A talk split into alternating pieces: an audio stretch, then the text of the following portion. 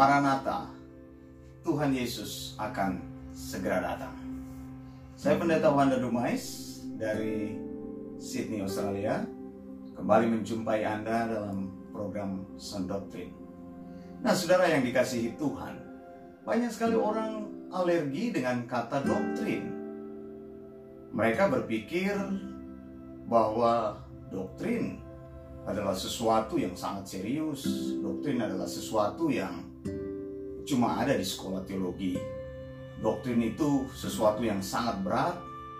Kadang-kadang orang berpikir sangat melelahkan untuk belajar doktrin. Doktrin itu sebenarnya kan kata sederhana sekali, artinya ajaran. Dan ajaran sebenarnya hal yang pertama yang harus kita miliki. Saya selalu punya notion seperti ini, bahwa ajaran itu menentukan praktek. Artinya begini, ajaran yang benar akan mempengaruhi praktek beriman yang benar. Lalu ajaran yang salah tentu akan menghasilkan praktek beriman yang salah. Ajaran yang sesat menghasilkan praktek beriman yang sesat. Jadi Anda sudah tahu apabila ada orang yang di dalam Eh, praktek berimannya itu salah atau sesat, sudah pasti ajaran yang dia terima itu adalah ajaran yang salah atau ajaran yang sesat. Jadi doktrin itu kata yang sangat besar di dalam Alkitab. Dalam bahasa asli, kata doktrin itu adalah didas kalia. Begitu. Dan saya ingin terus mengajar tentang topik ini, tentang sound doctrine. Betapa perlunya seseorang mempunyai pengajaran yang benar atau tertanam di dalam pengajaran yang benar. Dan gereja-gereja seharusnya serius untuk memikirkan hal ini. Sebuah kebenaran atau sebuah uh, gereja katakanlah ditentukan bukan oleh banyaknya jumlah jemaat, bukan oleh besarnya eh, gedung gereja, bukanlah ditentukan oleh mewahnya peralatan ibadah atau uh, siapa yang berkhotbah di situ, tetapi gereja yang benar itu ditentukan oleh ajaran di dalamnya, pengajaran yang benar. Kalau Anda pergi ke satu gereja dan Anda menemukan bahwa gereja tersebut tidak mengajarkan ajaran yang benar, buat apa Anda bertahan di situ? Seumur hidup Anda, Anda bergereja di tempat yang tidak mengajarkan ajaran yang benar, atau mengajarkan ajaran yang salah, atau bahkan ajaran yang sesat, maka praktek hidup Anda akan menjadi sesat. Dan saya jamin, saya jamin saudara, Anda tidak bisa berkata bahwa, oh saya hanya mempraktekkan sesuatu. Dari mana praktek itu? Praktek tentu bersumber dari ajaran. Nah, ajaran ini sangat penting sekali. Saya ingin mengulangi dalam 2 Timotius 3 ayat 16, firman Tuhan berkata segala tulisan yang diilhamkan Allah memang bermanfaat untuk mengajar.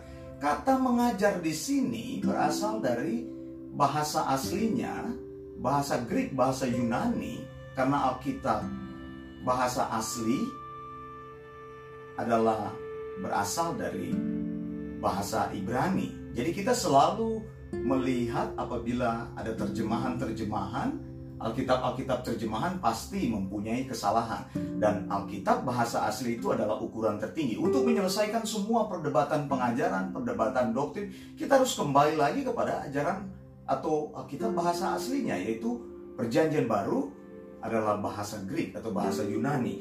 Kata mengajar di dalam bahasa Yunani adalah kata didaskalia atau di dalam bahasa Inggris kata ini disebut dengan kata doktrin.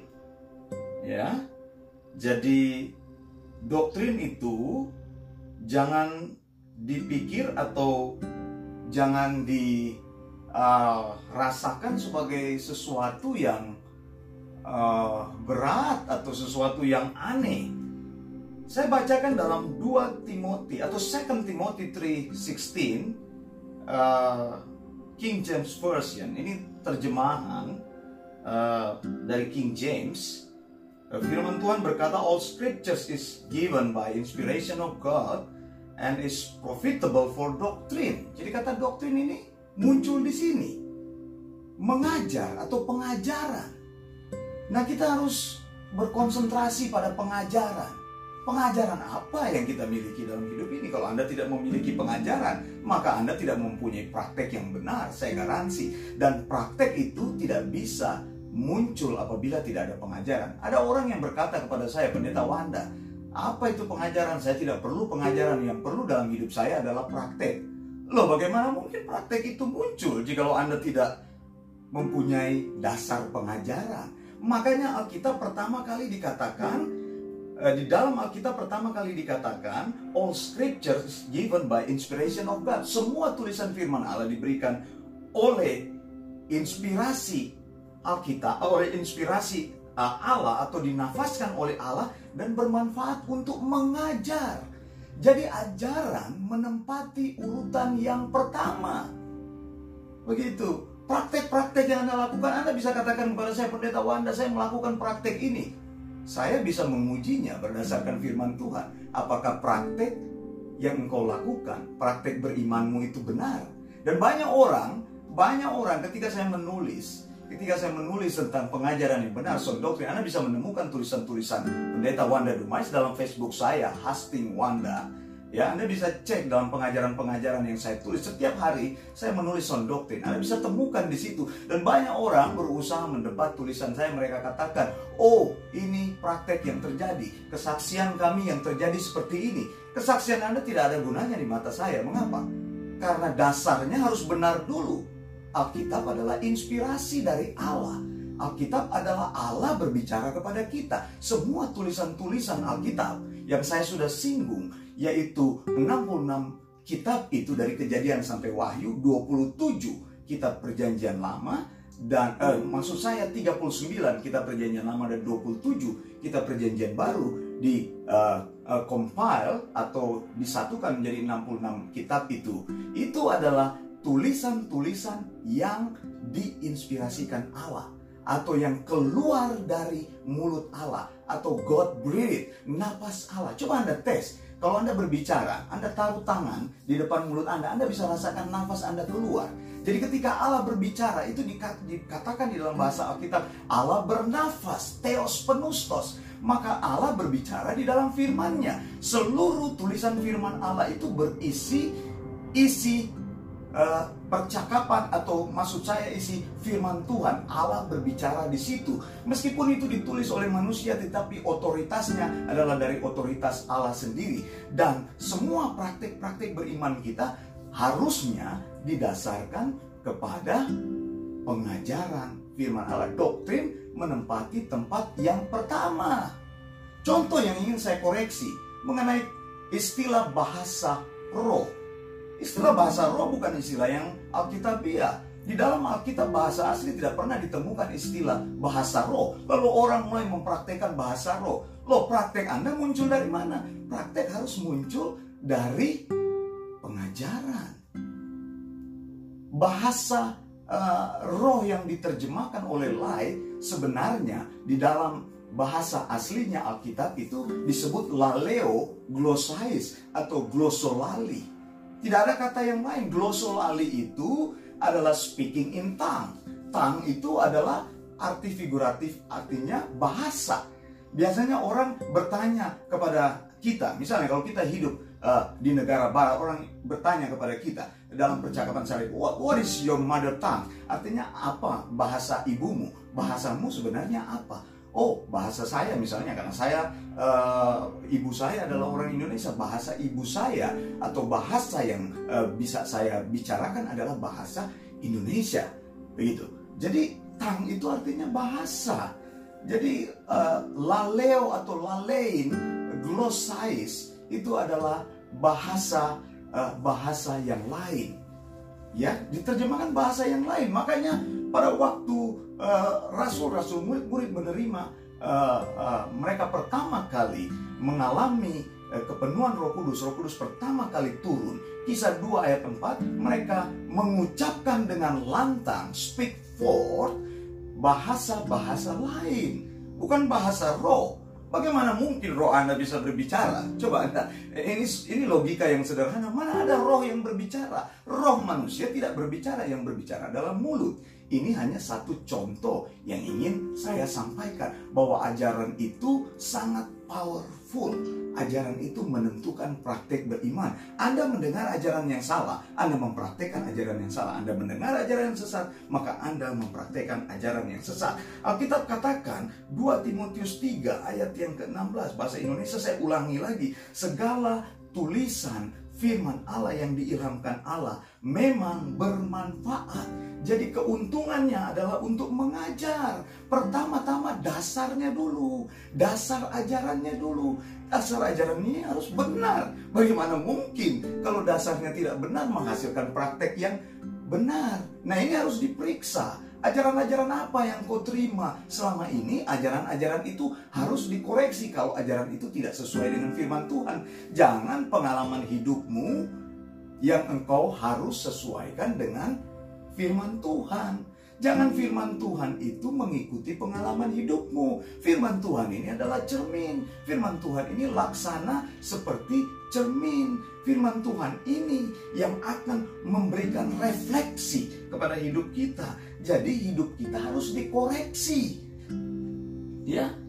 Eh, apa praktek-praktek apa yang keliru? Kita harus tunduk di bawah firman Tuhan. Sesudah mengajar baru dikatakan menyatakan kesalahan. Jadi baru di situ dikatakan menyatakan kesalahan. Hidup kita akan dibawa kepada yang benar. Orang yang berada dalam posisi yang salah sekarang dibawa pada posisi yang benar.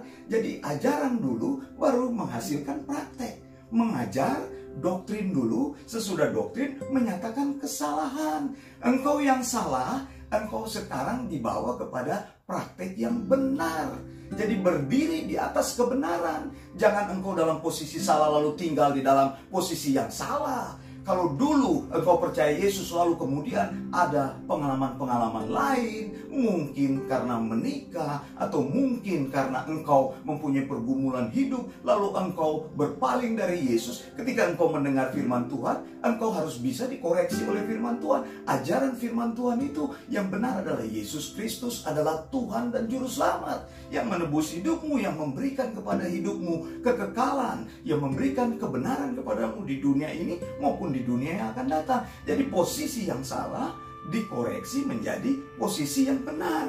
Lalu yang kedua memperbaiki kelakuan.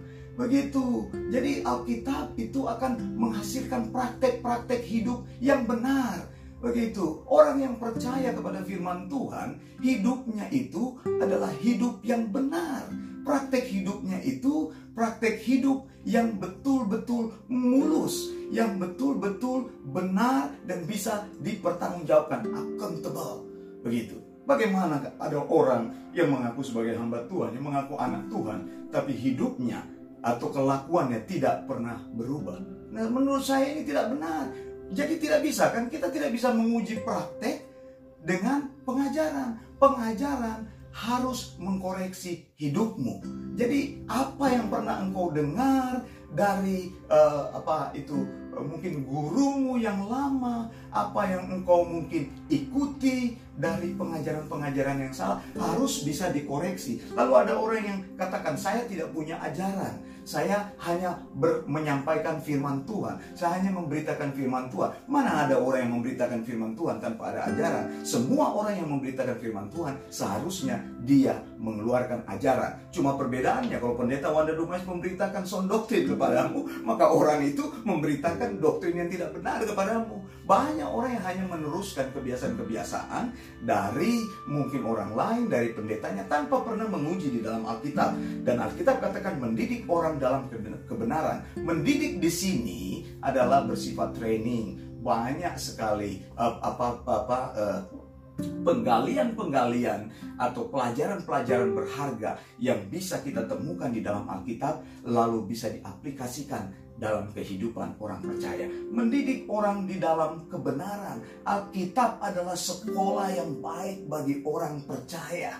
Bagaimana mungkin kalau engkau katakan engkau adalah orang yang mengasihi Tuhan, tapi engkau sendiri tidak mempercayai firman Tuhan, engkau melanggar firman Tuhan, engkau tidak mempercayai firman Tuhan, maka sulit bagimu akan bertumbuh. Coba lihat di dalam firman Tuhan, Yesus sendiri berkata di dalam Yohanes, saya uh, bukakan firman Tuhan ini untuk kita, eh, Yohanes pasal yang ke-14 Yesus katakan seperti ini, ayat yang ke-15, "Jikalau kamu mengasihi aku, kamu akan menuruti segala perintahku."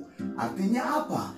Bahwa perintah-perintah Yesus itu adalah pengajaran-pengajaran Yesus. Kalau engkau mau menjadi orang yang mengasihi Yesus, engkau harus mengikuti perintah ajaran Yesus. Ajaran Yesus itu tertulis di dalam Alkitab ke-66 buku firman Tuhan itu dari kejadian sampai wahyu adalah buku yang diinspirasikan Allah. Kita tidak boleh mengurangi atau menambahkan Alkitab. Jadi betapa luar biasanya Alkitab. Sound doktrin harus menguasai hidupmu. Ajaran yang benar harus mengubah hidupmu. Saya Pendeta Wanda Dumais dan saya mau katakan Maranatha, Tuhan Yesus segera datang. Salam dari kami dari Sydney, Australia. Amin.